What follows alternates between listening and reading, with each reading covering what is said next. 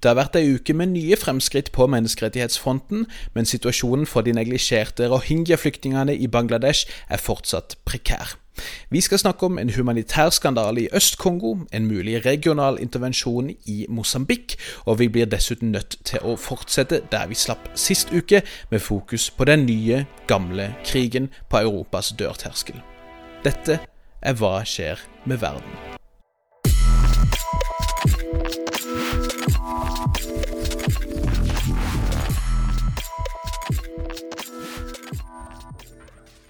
Hei og hjertelig velkommen til en ny episode av Hva skjer med verden? Podkasten for deg som ønsker å holde deg oppdatert på hva som rører seg innen internasjonal politikk og krig og fred og alt det der rotet midt innimellom der. Mitt navn er fortsatt Bjørnar Østby, og som vanlig på ca. en sånn 1 meter og 20 avstand så har jeg med meg min gode kompanjong og makker. Det er Nick Brandal. God morgen, Nick. God morgen, Bjørnar. Og gratulerer med Jimmy White-dagen. Ser du fram til den?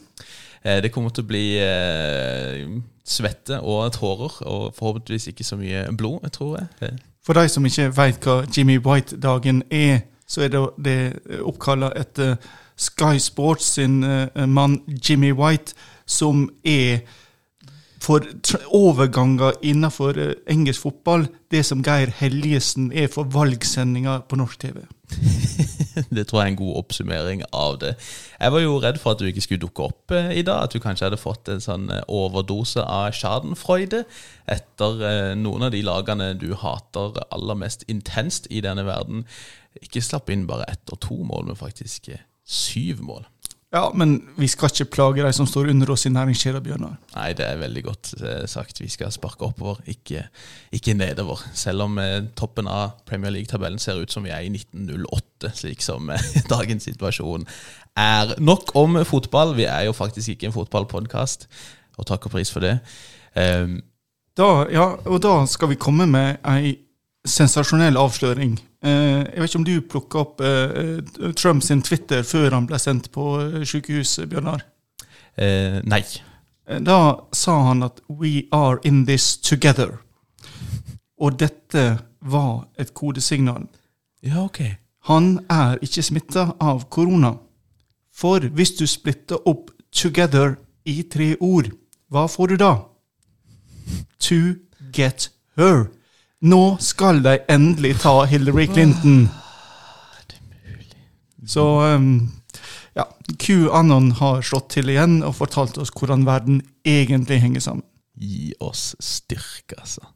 Ja, og i, i sjangeren av eh, ting vi ikke trenger i 2020, så har jo Egypt vært ute nå og presentert 59 sånne urgamle kister av forskjellige jeg lurer på om var forskjellige eh, folk fra presteklassen, antok man, som har blitt eh, gravd ut av eh, jorden nå, med altså mumifiserte lik fra ca. 2500 år siden. Så da håper jeg bare for vår alle, våres alles beste at de bare la de der mumiene være nede i de kistene nå. Jeg tror ikke vi trenger liksom noen sånne zombie-mumier oppå alt dette andre vi strir med i disse dager. Nei, altså, vi, vi må jo begynne å telle opp nå. Altså, Gresshoppesvermer, asteroider, pandemier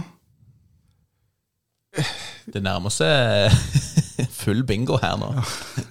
og et eh, Liverpool som slipper inn syv mål mot Aston Villa oppå det hele.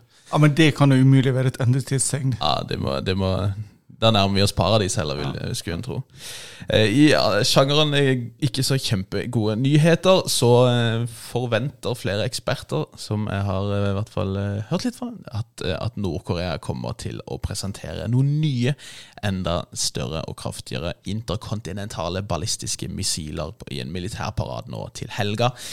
Eh, for å vise nok en gang at de egentlig aldri var så veldig interessert i dette showet til Trump, annet enn å behandle det som et show. Trump har jo eh, tilsynelatende trodd at han har fått på plass en vanvittig bra avtale der Nord-Korea liksom bare skal legge fra seg alle disse kjernevåpenambisjonene osv.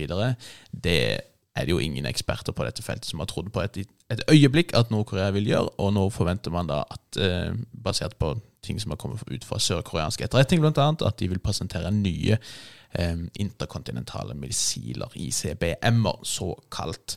Eh, og det fryktes også, har jeg sett blant noen eksperter, at disse nye kanskje kan ha vært utstyrt med såkalte mirver også. Det blir litt teknisk teknikk, men det er litt gøy å snakke om også. Såkalte multiple eh, independent re-entry vehicle, som betyr at du ikke bare har ett stridshode på en rakett, men at du har opptil flere som kan siktes inn på mange forskjellige mål, eh, selv om du bare sender opp ett enkelt missil.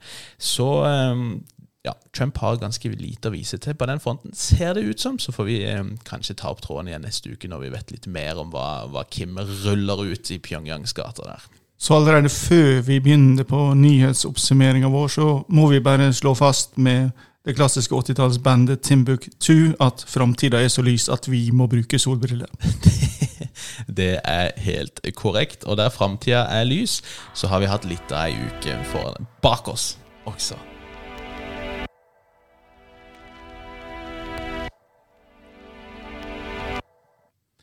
Vi må ut på våre ukentlige rundtur i det internasjonale nyhetsbildet. Det vi på nynorsk kaller våre ukentlige roundup. Ikke vel, Nick?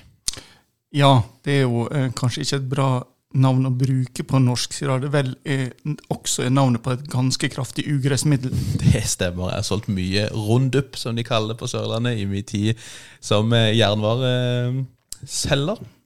Men det er altså lite ugress, men mye annet ugagn vi kan melde om også denne uka. Vi snakka sist uke litt om dette ambassadedramaet i USA, hvor eh, USA da rett og slett har trua med å eh, ende holdt på å si, sitt diplomatiske virke i eh, Bagdad. Rett og slett eh, gå vekk fra sin ekstremt kostbare og ekstremt store ambassade i Bagdad, fordi myndighetene da ikke har greid å få en stopp på masse rakettangrep både mot ambassaden og mot amerikanske interesser i Irak mer generelt. Eh, der det ikke har blitt noe mer av liksom, trusselen om å trekke seg ut ennå, så har det vært flere angrep.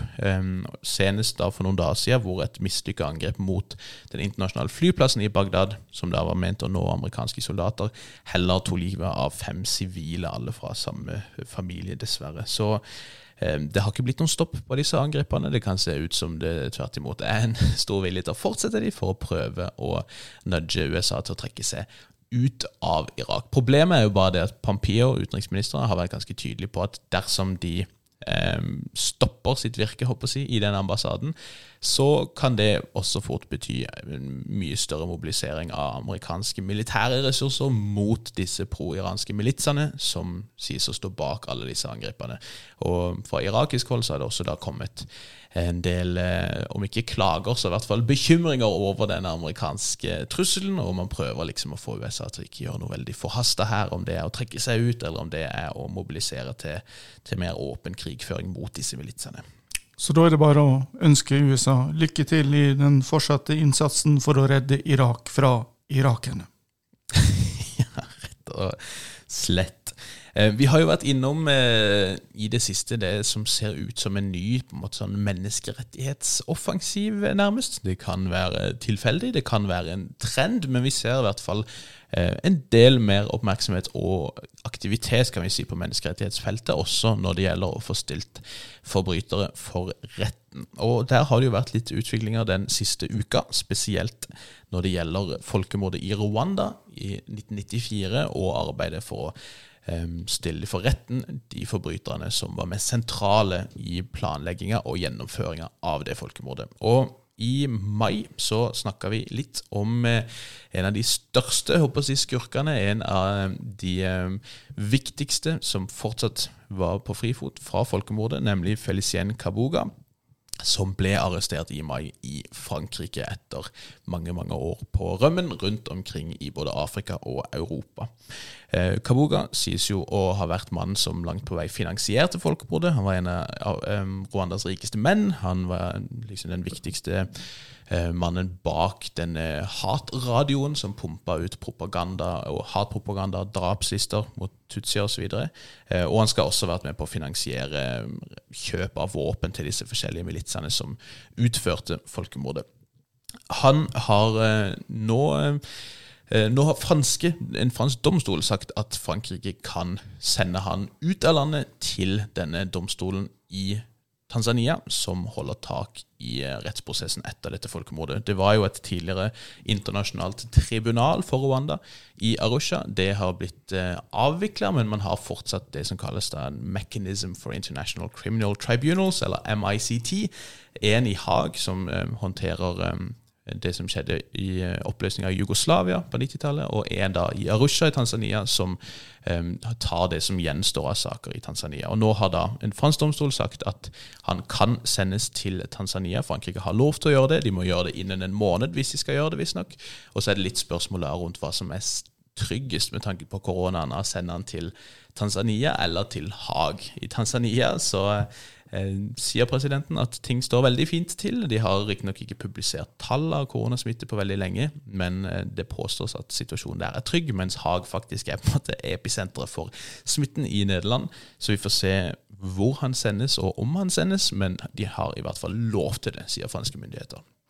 Rwanda har jo også pressa på for å få eh, utlevert den tidligere etterretningssjefen Alois Ntivi Ragabo Eh, som det ble oppdaga for noen en tid tilbake, befant seg i Orléans i, i Frankrike. Mm. Men uh, der har de foreløpig ikke lykkes uh, i like stor grad med å, å, å legge press på Frankrike. og det sitter nok lenger innenfor Frankrike å utlevere han til Rwanda enn til en av de internasjonale domstolene også. Mm, og det er jo mange som dro til Frankrike. altså Fru Habyarimana, kona til denne presidenten som ble drept i starten av uh, det som egentlig utløste folkemordet. Uh, hun flykta jo til Frankrike og ble vel mer eller mindre flydd dit for hennes sikkerhets skyld.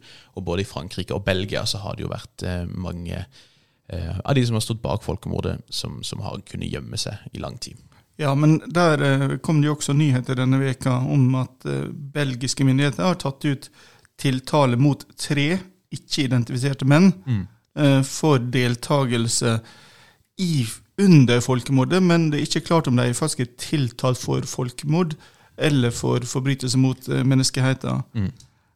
Og, og, Belgia har faktisk dømt fem personer for deltakelse i, i det som skjedde i Rwanda i 1994. Mm i de siste to, to tiåra, som kanskje ikke hører så veldig mye om. Men eh, de, de, den første dommen for folkemord kom altså i fjor høst. Ja. Mot, uh, mot uh, Fa Fabien uh, Neretse. jeg skal ikke stå inne for uttalen min av disse navnene, her, men vi, vi, vi gir vårt beste altså, i Sverige. Vi, vi, gjør det, selv om ingen av oss kan Kinyarwanda, dessverre. Eh, jeg kan jo skyte inn, for så vidt, når vi er inne på eh, folkemordet i Rwanda, at det også nå er ti år siden FNs såkalte mapping report fra 2010, som omhandla eh, krigsforbrytelser i Øst-Kongo mellom 1993 og, og, vel 2003 ble publisert. Dette er jo en rapport som da kartlegger mye av de grusomme overgrepene og potensielt folkemordet som tutsier fra Rwanda utførte mot rwandiske hutu-flyktninger i Kongo. Og det er, jeg har sett stadig mer oppmerksomhet rundt da forbrytelsene som seierherrene for folkemordet, de som endte folkemordet, faktisk da sto for når de senere rykka inn i Kongo i 1996, og, og egentlig da har vært aktive der frem til begynnelsen av 2000-tallet og flere perioder etter også. Så det er stadig mer oppmerksomhet rundt Kagame-regimets eh, forbrytelser, både på 90-tallet og i senere tid, som jo er med på å nyansere på å si, dette bildet noe. da. Og når vi er inne på spørsmålet spørsmål om Frankrike sitt eh, forhold til Afrika, som er en lang og forferdelig historie, for å si det mildt, så har vi jo tidligere nevnt at aktivisten Mvazulu Diabanza har tatt seg inn på franske museum for å, å stjåle i hermetegn, eh, afrikanske gjenstander som skulle vært tilbakeført. Eh, Rettssaka eh, begynte i Paris denne, denne veka. Og Strafferamma var opptil ti år og ei bot på 1,5 millioner kroner. Men aktor sin påstand var langt lavere. Den var nesten overraskende moderat. Mm. Og det handler om at denne rettssaka allerede, og dette ble faktisk anerkjent av dommeren i, helt i åpninga, er egentlig to saker. Den ene er en straffesak, som er veldig grei. Han filma jo dette og la det ut på sosiale medier. Den andre er at det er, det er en sak om Frankrike, og hvordan kolonihistorien skal forstås og fortelles, som, som er veldig vanskelig for Frankrike å forholde seg til. Eh, og, og, så det, det blir både en diskusjon om Frankrike, Frankrike sitt forhold til tidligere kolonier, og hvordan de skal forholde seg til sin egen minoritetsbefolkning. Ja, ja. Og eh, det, var jo protester utafor rettssalen med aktivister som ikke fikk komme inn pga. korona. Eh, Det var jo ikke akkurat noe de syntes var en god, god grunn til å ikke få slippe inn i, i rettssalen, men eh, det, det til side. Dette skjedde jo da samme veka som Macron kom med et nytt lovforslag som skulle sikre denne her eh, sek sekulære franske, franske ideologien enda eh, sterkere i, i møte med islamsk fundamentalisme. Men, men igjen, det, den også spiller jo da inn i, i dette spørsmålet om hvordan Frankrike skal forholde seg til disse minoritetene, og i forlengelsen av det til kolonifortida si. Nettopp, nettopp. Eh, Vi var nettopp innom eh, Øst-Kongo og denne rapporten som ble publisert for ti år siden. Men det har også kommet ut nye rapporter, eller rettere sagt en stor skandale, eh, nå, eh, som har blitt publisert de siste dagene. Det er et samarbeid mellom Reuters og The New Humanitarian, eh, som er eh, ja, en eh, skal vi si, tidsskrift eller en magasin som skriver da om, om ting fra den humanitære bransjen, men som også følger en rekke væpna konflikter rundt omkring i verden. Og de har da sammen eh, drevet et omfattende granskingsarbeid de siste årene, og har nå da avdekka det som rett og slett må sies å være en stor skandale, hvor eh, over 50 kongolesiske kvinner hevder å ha blitt utsatt for eh, seksuell sjikane og regelrette seksuelle overgrep fra da primært mannlige internasjonale helsearbeidere som har vært i Øst-Kongo i forbindelse med denne ebola-epidemien som, eh, som foregikk der mellom type 2018 og 2020. Eh, Dette, disse mennene som har stått bak, disse, eh, bak disse overgrepene, skal visst primært ha kommet fra Verdens helseorganisasjon, men det er også caser som er rapportert med ansatte fra UNICEF, fra Den internasjonale organisasjonen for migrasjon, fra Leger uten grenser og flere andre mindre type ikke-statlige organisasjoner også. Og liksom naturen de, til disse casene har jo variert noe, men eh, det er mange av disse kvinnene som da gjerne har jobba på type eh, midler, eller sånne kortsiktige kontrakter, enten i forbindelse med alt fra eh, at de har jobba med kjøkken, eller de har drevet med eh, type renholdsarbeid. Noen av de har vært sykepleiere også, og har da kunnet rapportere om en rekke forskjellige saker der de f.eks. får høre at med mindre de har sex med denne og denne figuren, så vil ikke deres kontrakter bli fornya, eller de vil ikke få en arbeidskontrakt i første omgang, med mindre de eh, utfører forskjellige seksuelle handlinger. da. Eh, og noen har rett og slett blitt voldtatt også av disse internasjonale helsearbeiderne. Dette da i liksom episenteret for ebola-epidemien, og et område der grupper tilknyttet IS har stått for en rekke massakrer de siste årene. Så det er jo intet annet enn ganske sjokkerende at dette har eh, funnet sted, og det snakkes også om at mange unge menn har blitt utnytta i, i denne forbindelsen her. Dessverre så er dette ikke noe nytt. Vi har sett lignende rapporter fra internasjonale responser i Haiti og i Den sentralafrikanske republikk, og så vet vi jo òg historisk sett at sexindustrien mer generelt gjerne følger FNs fredsbevarende oppdrag rundt omkring i verden. I Den sentralafrikanske republikk var det snakk om franske soldater som hadde stått bak en rekke seksuelle overgrep mot mindreårige. I Balkan også så har vi jo fått uh, høre om eh, hvordan freds, eh, fredsbevarende styrker har blitt mer eller mindre involvert i trafficking osv. Så, videre. Så dette er dessverre ikke noe nytt. Disse organisasjonene som har blitt klandra, hevder jo at de har hørt veldig lite om dette, mens disse kongolesiske kvinnene da har sagt at det er fordi vi ikke vet hvor vi skal gå med dette her, eller fordi det har vært for risikabelt å si ifra. Eh, Men det høres også ut som det er mange caser her som ikke har blitt rapportert.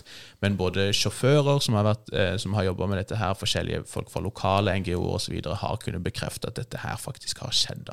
Altså det, det mest overraskende er jo hvor lavt bevissthetsnivå disse organisasjonene virker å ha for problemstillinga, Ja. når all erfaring burde tilsi at dette er noe de måtte komme inn med veldig høyt øh, øh, ja, altså Se på dette som en høyst reell eh, problemstilling, fordi, fordi det har skjedd alltid før. Ja.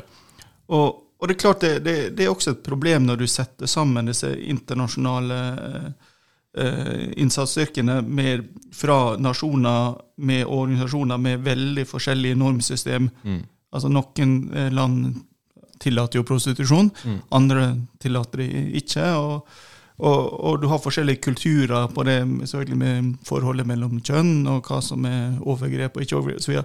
Og altså, da må du komme inn med et høyt bevissthetsnivå på at dette kommer til å skje, hvis vi ikke gjør noe. Og vi må ha et system, vi må ha rutiner, vi må ha normer på plass som er kommunisert til absolutt alle. Mm. Og at det ennå ikke er der i 2020, er ja, skuffende. Det er ikke noe annet ord. Nei. Rett og slett. Um, og når vi for så vidt er inne på dette med, med overgrep og, og med ja, internasjonalt fokus på slike typer saker, så ehm, har jo også Human Rights Watch vært ute med rapporter om eh, lignende tilfeller i Egypt.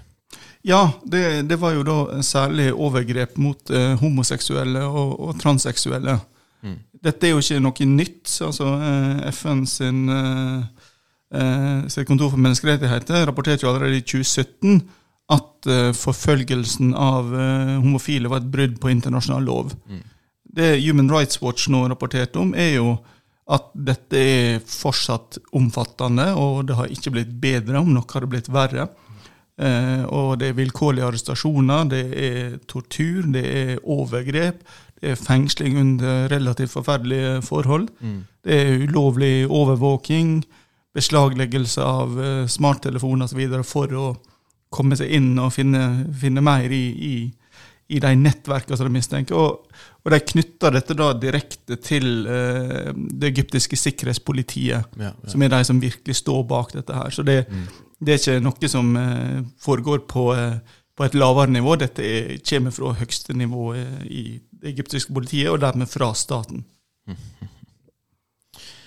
Vi, det blir litt sånn eh, menneskerettighetsfokusert, eh, dagens roundup, men det, det er jo eh, viktig at vi også kan snakke litt om sånne viktige spørsmål. Og i den forbindelse så har jeg lyst til å snakke litt om noen utviklinger, eller noen i hvert fall potensielle utviklinger når det gjelder disse eh, hundretusenvis, eller det er vel over en million rohingya-flyktninger som er stuck i Bangladesh nå.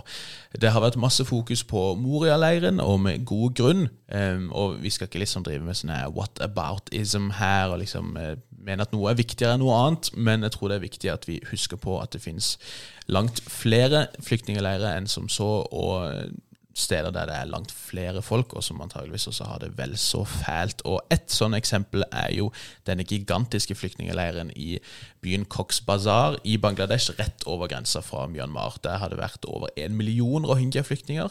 Veldig mange av de flykta jo i eh, 2017-2018. Da var jo over 760 000 vel, som ble fordrevet fra sine områder i denne Arakan-provinsen, eller Rakhine-provinsen i Myanmar.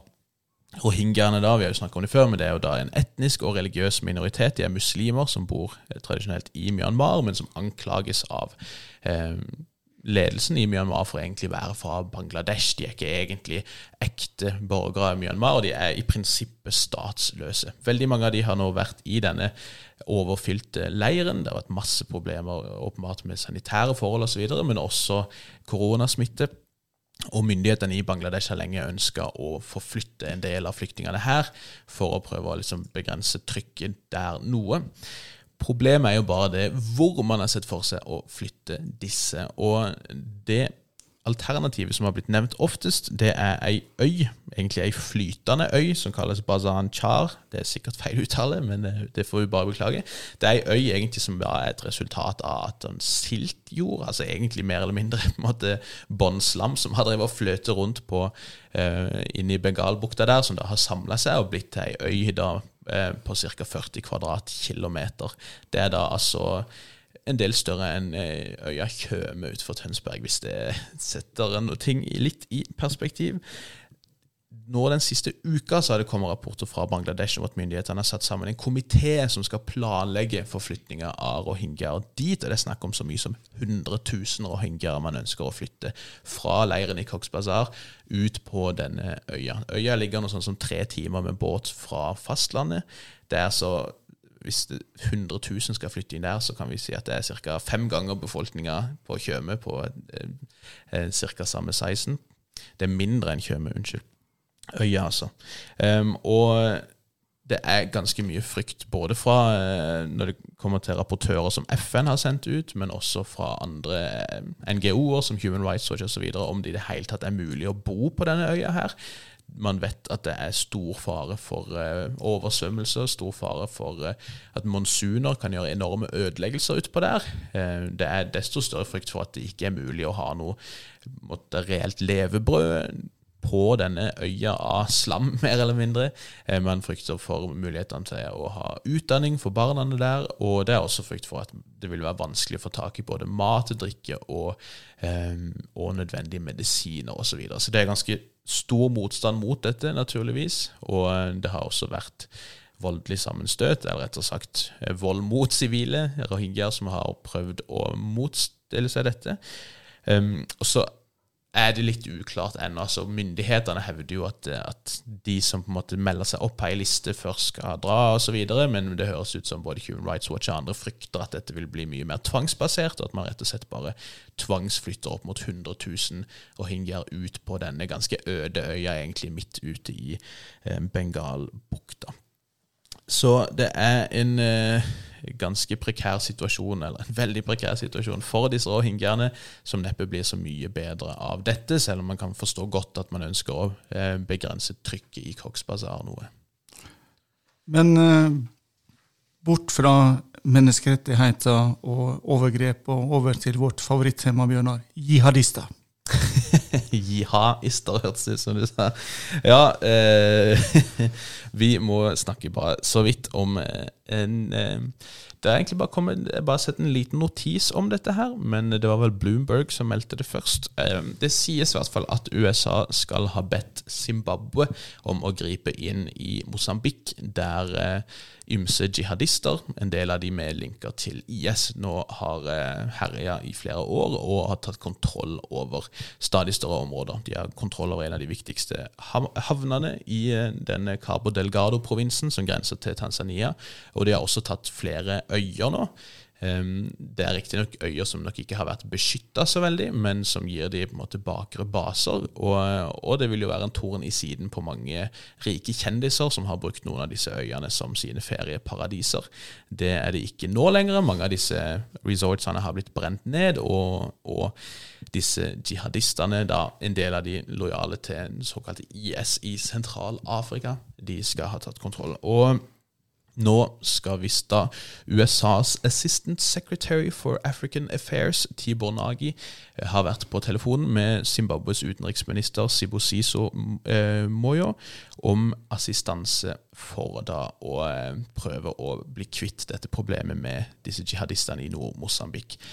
Mosambiks egen hær har ikke greid det. De har sendt masse forskjellige eh, private sikkerhetsselskaper på det. Både den russiske Wagner-gruppa har vært inne og fikk ordentlig deng. Et eh, sørafrikansk selskap som heter Dag, har vært inne med helikopter og diverse, og ikke oppnådd stort. Men nå prøver da USA å få Zimbabwe til å ta litt ansvar her som eh, nærmeste nabo. Eh, det skal jo sies at Zimbabwe har en del kamperfaring fra Mosambik. ZANU PF er jo dagens regjeringsparti, dette partiet til Mugabe. Og før det ble PF, så var det bare ZANU, en opprørsgruppe som da kjempa mot Eh, det hvite styret i Sør-Rhodesia back in the days. De hadde bakre baser i Mosambik og har sånn sett oppholdt seg der mye, men har også intervenert flere ganger i Mosambik i kamper mot opprørsgruppa Renamo på 80- og 90-tallet, en gruppe som da bl.a. ble støtta av apartheidregimet i eh, Sør-Afrika. Så de har eh, litt erfaring derfra. De har mye erfaring fra den andre Kongokrigen på slutten av 90-tallet, som vi har vært innom tidligere i dag. Eh, og de har også vært med i Den afrikanske union sitt oppdrag i Somalia, bl.a. Så selv om landet står midt i en ganske dyp økonomisk krise, så er vel tankegangen fra amerikansk hold at disse her har faktisk en ganske erfaren relativt sett velutrusta her som, som, kan oppnå noe her. Zimbabwe sitt svar har jo vært at hvis det skal skje, så må dere i hvert fall lette noen av sanksjonene mot viktige politiske lederskikkelser, for de er ganske lammende både for eh, politisk manøvrering og ikke minst for økonomien mer generelt. Så det høres ut som de driver og wheeler og dealer litt der. Men eh, Hvorvidt de vil gå inn, hvorvidt de prioriterer, det er jo uklart. Altså, Zimbabwe har jo eh, De trenger jo havner i Mosambik, og har ei havn som er på en måte den viktigste eh, kontakten med Det indiske hav og verden eh, i øst, holdt på å si, i og med at Zimbabwe sjøl er landlocked. Den er Beira-havna, men den ligger jo vesentlig lenger sør enn disse, disse jihadistene i Mosambik er per dags dato, så det er ikke sikkert de føler de har noe sånn veldig hastverk med å gå inn. Men myndighetene anslår at så mye som 300 000 er internt fordrevne nå i Mosambik pga. denne konflikten i nord. Tallet kan potensielt være ganske mye høyere.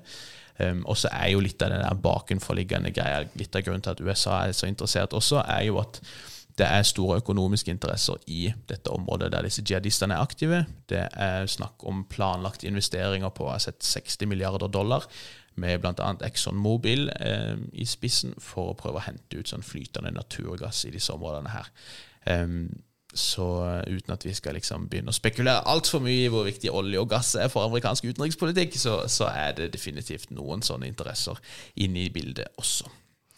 Og i eh, din favorittsåpeopera, Bjørnar, nemlig eh, malisk eh, valgpolitikk, så har det også skjedd utvikling med amerikanere på plass. Yes, Nå har Uniten eh, rett og slett bare vært ute og eh, ønska den nye overgangsregjeringa velkommen, og sånn sett har anerkjent denne. Vi snakka jo sist uke om hvordan vi har fått på plass en eh, president.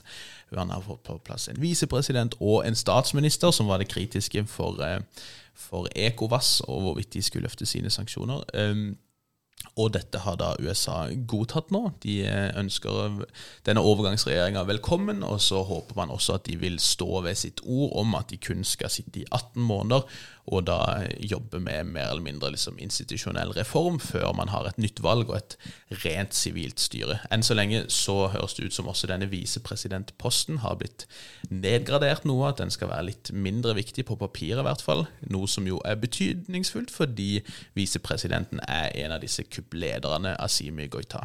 Så øh, det blir spennende å se hvorvidt de på en måte løftene sine, men USA har i hvert fall gitt sitt klarsignal enn så lenge. Vi har jo litt eh, USA-nytt helt på slutten av uh, roundupen vår også. Ja. De har nemlig nå eh, sendt eh, et av hangarskipene sine, USS Nimitz, på en militærøvelse i Bengalbukta. Der har vi jo også vært tidligere i sendinga. Ja, ja, ja, og dette er tolka som et ganske sterkt signal om ei tilnærming mellom India og USA. Mm. Under den kalde krigen så uh, endte jo USA med å prioritere forholdet til Pakistan. Mm. Av uh, geostrategiske grunner, eh, får vi gå ut ifra, i hovedsak. Um, og uh, det, var, det, har tidvis vært et litt anstrengt forhold til, til India. Iallfall ikke veldig nært. Mm. Men, men, nå har vi sett en tilnærming, og den blir nok forsterka av at Modi, presidenten i India, og Trump eh, føler seg politisk i, ja, i nær slekt, kan vi vel si. ja, det, det, får vi vel si. Det, det, dette har ført til bekymringer om, er jo at uh, det kan bidra til å øke forfølgelsen av de det er rundt 200 millioner muslimer i India. Mm. Vi har jo, i, i, vår snakker vi jo veldig mye om Kashmir mm.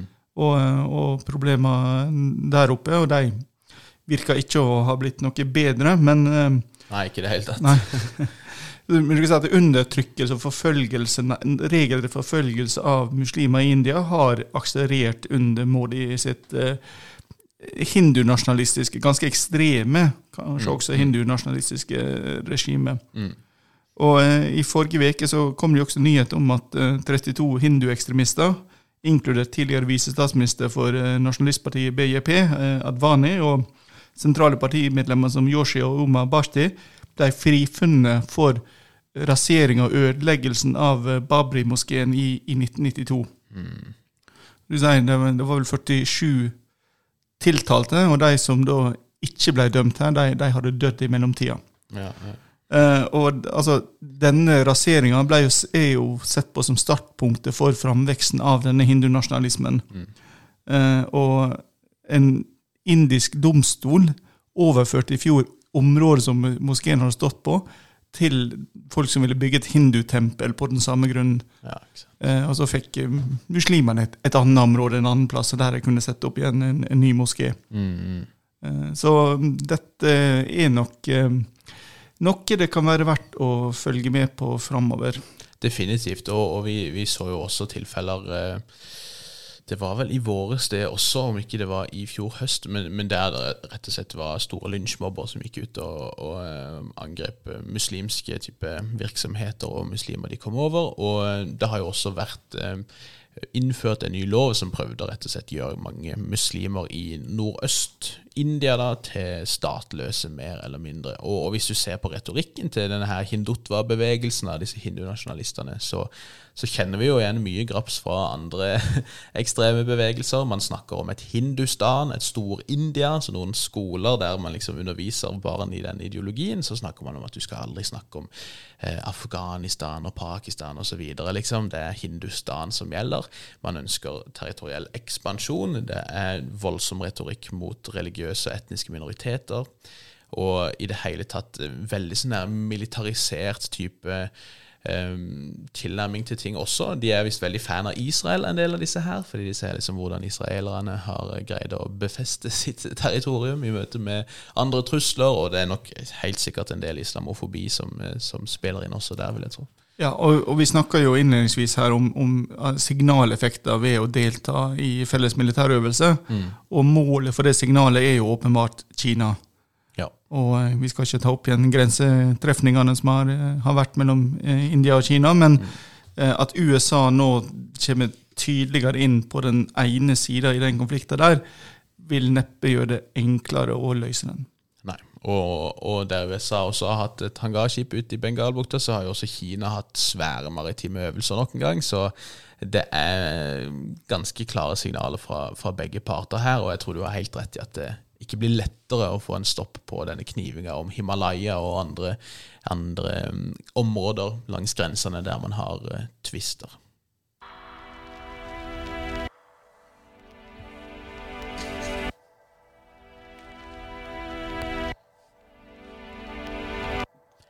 I denne tredje delen av podkasten så pleier vi jo å zoome inn på ett tema som vi tenker kanskje er spesielt viktig eller relevant, eller som har liksom stukket seg ut i uka som var.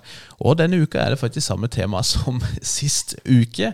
Det er en liten oppdatering fra hva som skjer i Kaukasus, og nærmere bestemt i denne nye konflikten om Nagorno-Karabakh. Den nye episoden, kan du, vil, eh, kan du si, om, om en gammel konflikt om Nagorno-Karabakh. Og det er jo rett og slett sånn, så vidt jeg ser det i hvert fall, at vi nå har en ny krig, en ny interstatlig krig, mer eller mindre, på Europas eh, dørterskel her, Nick. Ja, eh, det er jo uklart hvor stort potensial dette har for å bli mer enn en krig mellom to stater, altså Aserbajdsjan og, og Armenia. Eh, den som har vært den mest eh, aggressive eller aktive aktøren utafor disse to, er jo uten tvil Tyrkia. Definitivt. Og det kom jo nyheter denne veka om at eh, det hadde begynt å dukke opp eh, såkalte fremmedkrigere fra Idlib-provinsen i Syria, som i dag er kontrollert av Tyrkia, i konflikter i Nagorno-Karabakh. Og det er jo bekymringsverdig, og går inn i et litt større mønster også, Bjørnar. Ja, man snakker jo om at vi liksom er inne i disse nye sånne leiesoldatkonflikter, nærmest. Eh, og det er jo de, de siste tiårene som har liksom prøvd å beskrive sånne type trekk som indikativt for at vi står overfor nye kriger som sådan, der liksom stater kanskje er mindre viktige, men der andre løst organiserte koalisjoner, privatisert type vold, er viktigere. da. Dette minner jo egentlig mer om middelalderen det vi ser nå, kanskje, Nick. Det kan du mye mer om enn en meg. Men, men det at mindre type leiesoldatstyrker, ikke-statlige organisasjoner, gjør eh, hovedparten av krigføringa, det, det er jo egentlig ikke noe nytt. Nei, eh, dette kom det jo en bok om for eh, en drøy måned siden av eh, Hans Jakob Ordning og Øyvind Østerud ved Universitetet i Oslo, som gjorde nettopp det argumentet at det som blir kalt nye kriger, egentlig er de gamle krigene.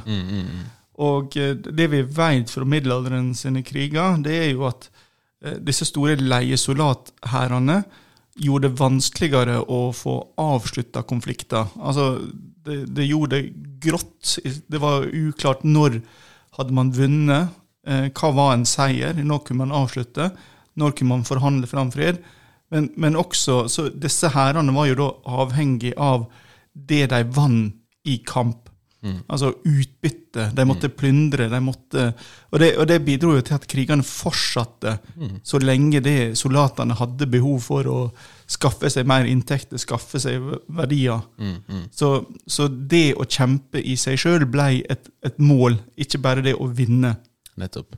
Og, og eh, på den ene sida så gjør jo dette at mye av krigføringa kan bli eh, særdeles fæl, fordi at du gjerne da har ganske udisiplinerte krigere på fronten, som er der først og fremst av personlig interesse, kanskje pga. økonomiske insentiver, og som i mindre grad kjemper for et gitt politisk eh, mål, om du vil. Samtidig så er jo dette veldig nyttig for statene som bruker disse leiesoldatene, spesielt i vår tid, fordi at det gir det man gjerne kaller plausible deniability, at du kan fremme dine politiske mål uten å måtte bli tatt for det. Russland kan si at Wagner-gruppen er ikke egentlig eh, en aktør som representerer den russiske stat, selv om vi vet at mannen som har starta det hele, er en av eh, Putins viktigste allierte.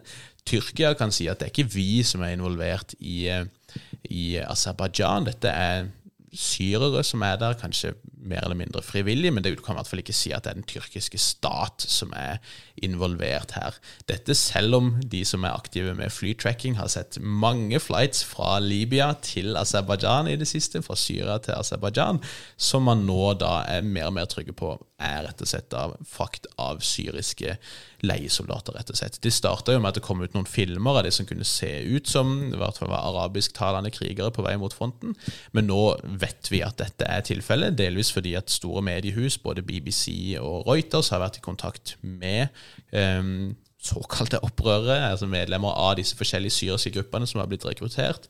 Folk på bakken som har store kontaktnettverk, og som kjenner en del av de som er aktive i grupper i Nord-Syria, har fått bekreftet at mange har blitt sendt hit, og det er snakk om at så mye som tusener og vel så det er i hvert fall planlagt sendt, om de ikke allerede er på plass. Og allerede så er det flere titall som også er blitt drept. Og vi vet jo mer og mer om dette, fordi det samme skjer her som vi har sett i både Libya og i Syria, at en del av disse syrerne filmer det de gjør, rett og slett. Og det kommer ut stadig flere filmer av dette her.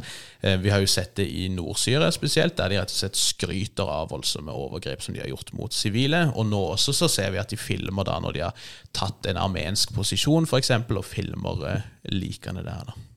Og dette kan jeg da slå fast med stor styrke som eh, historiker var ikke et trekk ved middelalderens. Nei, akkurat det kan vi jo si var likt, men vi ser jo også om du, om du går til 30-årskrigen på 1600-tallet, der, så er det jo noen av disse leiesoldatarmeene som står for noen av de verste overgrepene, som blir vanskelig å få liksom, kontroll på for statene eh, som har mobilisert disse. Og enn så lenge så vet vi ikke om noen sånne grove overgrep i Aserbajdsjan eller i Nagorno-Karabakh. Eh, Men noen av disse gruppene som har blitt flydd inn av Tyrkia, det er jo nettopp disse gruppene som vi snakka om sist uke, fra denne menneskerettighetsrapporten fra FNs kommisjon i, i Syria, som da har rapportert grove overgrep, tortur, seksuell vold eh, og masse graps. Og det, så dette høres for meg ut som er opportunister. Eh, Det er litt forskjellige rapporter. Noen sier at disse får 1500 dollar i måneden, noen sier de får 2000 dollar i måneden for å kjempe der. Og I begynnelsen så var det snakk om at disse først og fremst skulle beskytte militære eh, fasiliteter, om du vil. Men, men så mange av de som har blitt drept, så tyder det jo på at de heller brukes som kanonføde, så vidt jeg kan si. Ja, og hvis vi skal ta den, eh, den historiske parallellen, eller min favoritt her, så er det jo Når freden i Vestfalen hadde blitt framforhandla og undertegna, så ble det sendt en eh, bud til fronten. Og den var da for den svenske hæren til tilfelle ved utafor Praha. Eh, Den eh, svenske kommandanten, som da var den senere kongen, hilt da tilbake igjen dette sendebudet fra Vestfalen i ei uke, så soldatene skulle ha tid til å plyndre byen ferdig. Eh, Og ganske mye av ting fra som er eldre enn 1648 på, museet, nei, på universitetet i Lund, eh, kommer da fra plyndringa av Praha. Ikke sant. Så, så dette her er rett og slett ikke noe nytt, da, og det er verdt å merke seg, men, men det signaliserer kanskje en vending vekk fra det vi har vært vant med, i hvert fall i fra liksom statlig mobiliserte hærer fra Napoleon og frem til type, i hvert fall den andre, krig, andre verdenskrigen. Um, men også utviklinger som skiller seg litt fra det vi så under den, den kalde krigen. Ja, og, og, dette ser vi også i hærer i, i, Vesten. Mm. Uh, bare at der er det selvfølgelig ikke leiesoldater ennå men, eh, altså som utfører som er faktisk soldater. Mm. Men man privatiserer ulike deler ved krigføringa ved det militære. Mm. Altså fra renhold og, og, og matlaging osv. Så sånn. Eh, den amerikanske hæren i Irak var jo i praksis drevet av private selskap. Mm.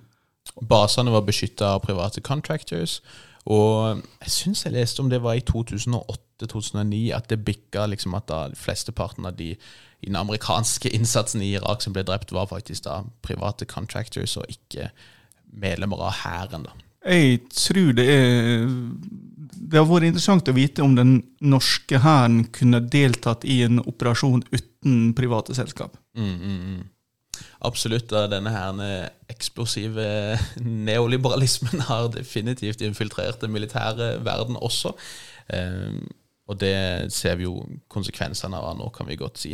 Eh, I tillegg til liksom, dette mer generelle poenget om, om, at vi nå ser utstrakt bruk av leiesoldater, det er snakk om pakistanske leiesoldater potensielt også inne i bildet her, eh, så ser vi også eh, kanskje konturene av hvordan en eh, internasjonal verdensorden uten USA i spissen vil se ut. Det er land som Tyrkia, det er land som Iran og som Russland liksom scrambler for å fylle dette vakuumet. Og eh, som du har sagt mange ganger, så skal man ikke nødvendigvis glede seg til hva som skjer etter USA liksom gir fra seg ledervervet, om du vil, av den internasjonale ordenen. Nei, det var jo et uh, Leonard Cohen-sitat, uh, faktisk. uh, samtidig så må vi jo innrømme at vi tok feil forrige uke, Bjørnar. ja, vi, vi, gjorde. Vi gjorde nok det. Vi tok feil om Iran. Ja, jeg tror jeg sa i, i farta at, eh, at, Iran nok vil være mer liksom, pro-aserbajdsjansk, og det er jo nærliggende å tenke i og med at begge er primært liksom, shia-islamske osv. Men i praksis så er Iran ganske tydelig på Armenias side, ser det ut som nå, selv om de prøver å liksom sitte forholdsvis stille i, i, båten. Litt fordi at det er mange både fra Armenia og Aserbajdsjan som bor i Iran, og, og, det har allerede vært noe opptøyer og, og liksom trefninger mellom disse. Da. Så man har nok interesse av å prøve å ikke la dette søle altfor mye over på, på um, det innenrikspolitiske situasjonen, holdt på å si, i um, Iran. Eh, men det har vært rapporter om liksom, russisk eh, militærkjøretøy på vei gjennom Iran, på vei mot Armenia osv. Fortsatt ikke sett om det er liksom endelig bekrefta, men, men, det høres ut som Iran i hvert fall faller ned på den armenske sida av gjerdet. Og eh, her kan det jo da bli veldig interessant, fordi Armenia har jo ved hjelp av den armenske diasporen i USA, som er ganske sterk, prøvd å få Trump-administrasjonen til å komme ned på deres side også. Mm. Så her kan vi nå plutselig få Iran og USA på samme side. Ja, og, og eh, det er en himla komplisert uh, greie, dette her. Jeg skal se, det, det var en tweet her som var veldig liksom uh, Som forklarte ganske godt hvor uh, kaotisk dette bildet her er. For um, hvis vi ser på den iranskstøtta afghanske Shia-militsen altså Iran har jo brukt mange afghanske flyktninger til å kjempe for seg i Syria. I en milits kalt Iwa Fatimiyon.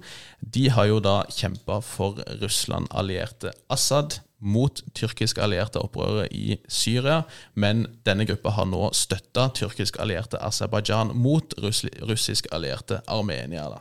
Eh, så det er igjen dette som vi kjenner fra middelalderen, med veldig sånne flytende og omskiftelige eh, allianser. Det, det, ser vi definitivt i, eh, i, dag. Hvis vi ser på dette andre aspektet av liksom, ny krigføring, så handler jo det mer om teknologi. Også her så har vi jo sett noen ganske dramatiske eksempler på, på, hvordan moderne krigføring gjerne vil se ut. Og jeg har sett ganske mange spekulere i om vi nå nærmer oss måtte, slutten på stridsvogna, på tankens æra, om du vil.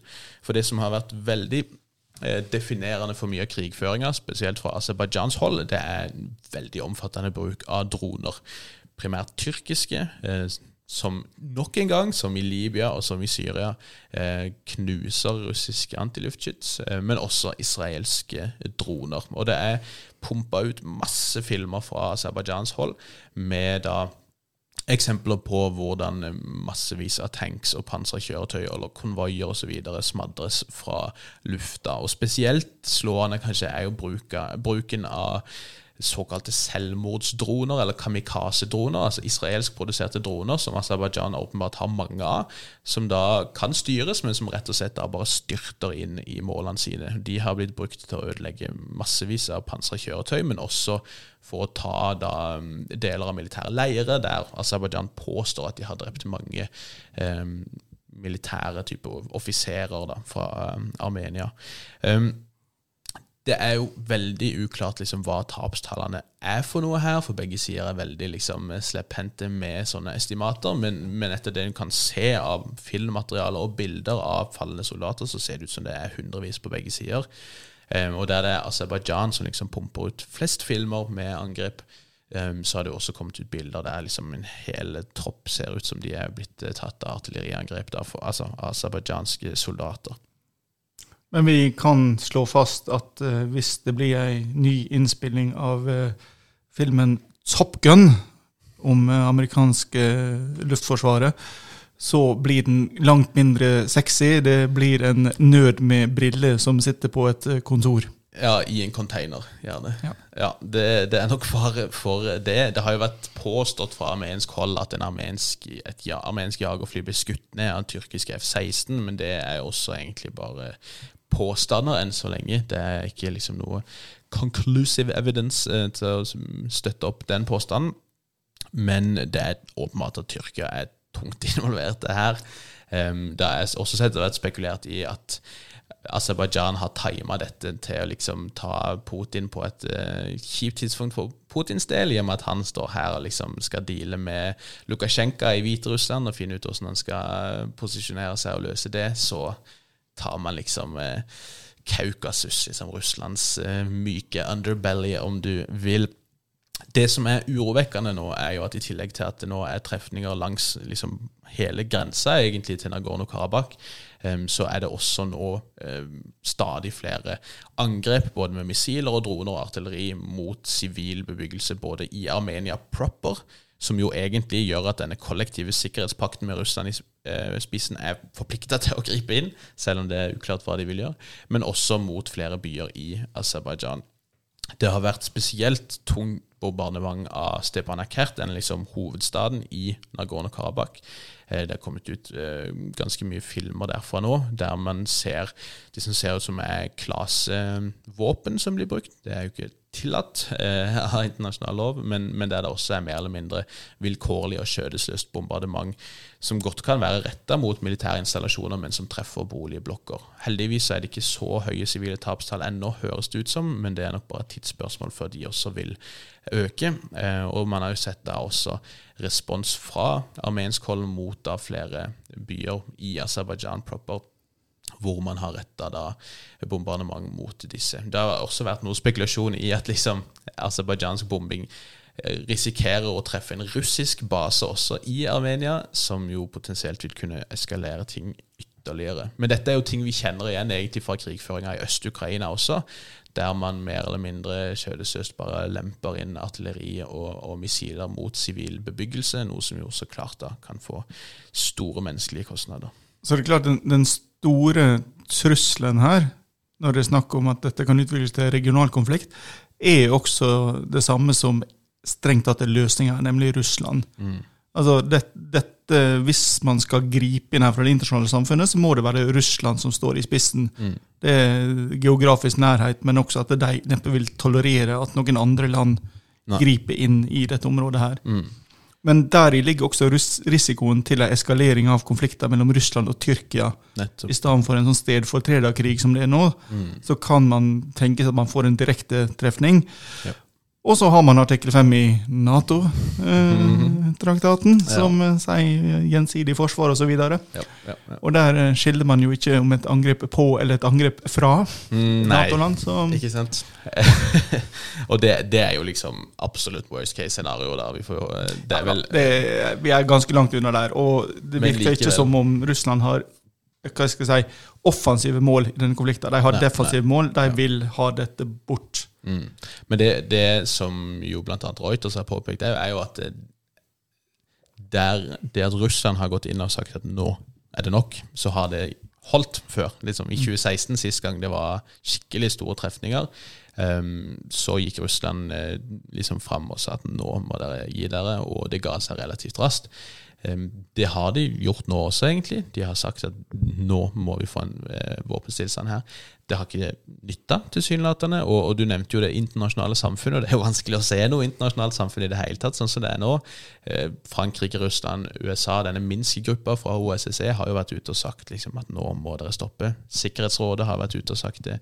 Eh, Men enn så lenge så eh, sier jo Tyrkia rett ut at, at dette gir seg ikke før Nagorno-Karabakh er frigjort fra disse ar armenske eh, okkupantene.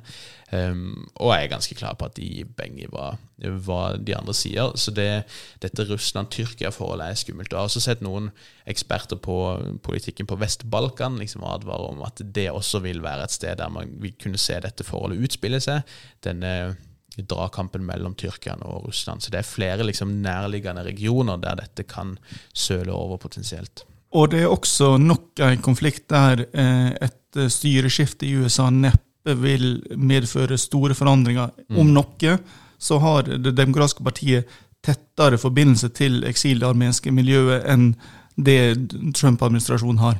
Så det, det kan tenkes at en Biden-administrasjon faktisk vil bli dratt mer inn i konflikter på Armenias side Ja. enn det som er tilfellet nå. Ja, ja. Og så er det jo en sånn tendens til å liksom eh, begynne å behandle disse konfliktene som fotballkamper. liksom At man heier på den ene sida, eller men den ene fortjener mer sympati enn den andre. Og det er klart det er, det er jo komplekse saker, det her. og sånn Formelt sett etter internasjonal lov så har jo armenere tatt områder som tilhører Aserbajdsjan. Eh, samtidig så vil jo de hevde at dette er et resultat av at grensene som Sovjetunionen tegnte opp liksom internt, ikke matcha med den demografiske realiteten. De kan vise til at armenere vel i dag bor på 15% av det territoriet de hadde for litt over 100 år siden, før um, folkemordet som det ottomanske riket sto for, osv.